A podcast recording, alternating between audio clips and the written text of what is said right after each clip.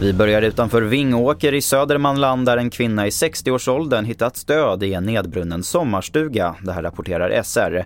Det var i fredags kväll som larmet om en stugbrand kom in och när räddningstjänsten anlände till platsen så var branden fullt utvecklad. Polisen har inlett en utredning om mordbrand då man inte kunnat konstatera en naturlig förklaring till branden.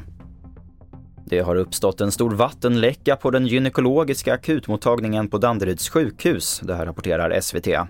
Enligt Storstockholms brandförsvar, som varit på plats med flera enheter, har man tvingats flytta på flera operationer.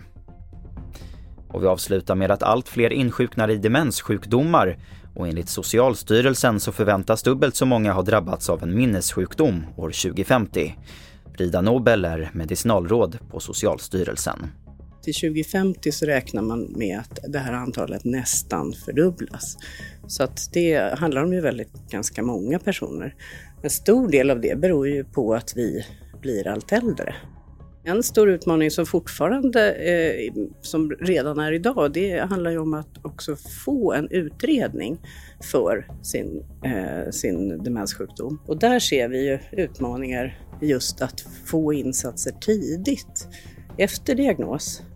Och det får sätta punkt för TV4-nyheterna. Jag heter Albert Hjalmers.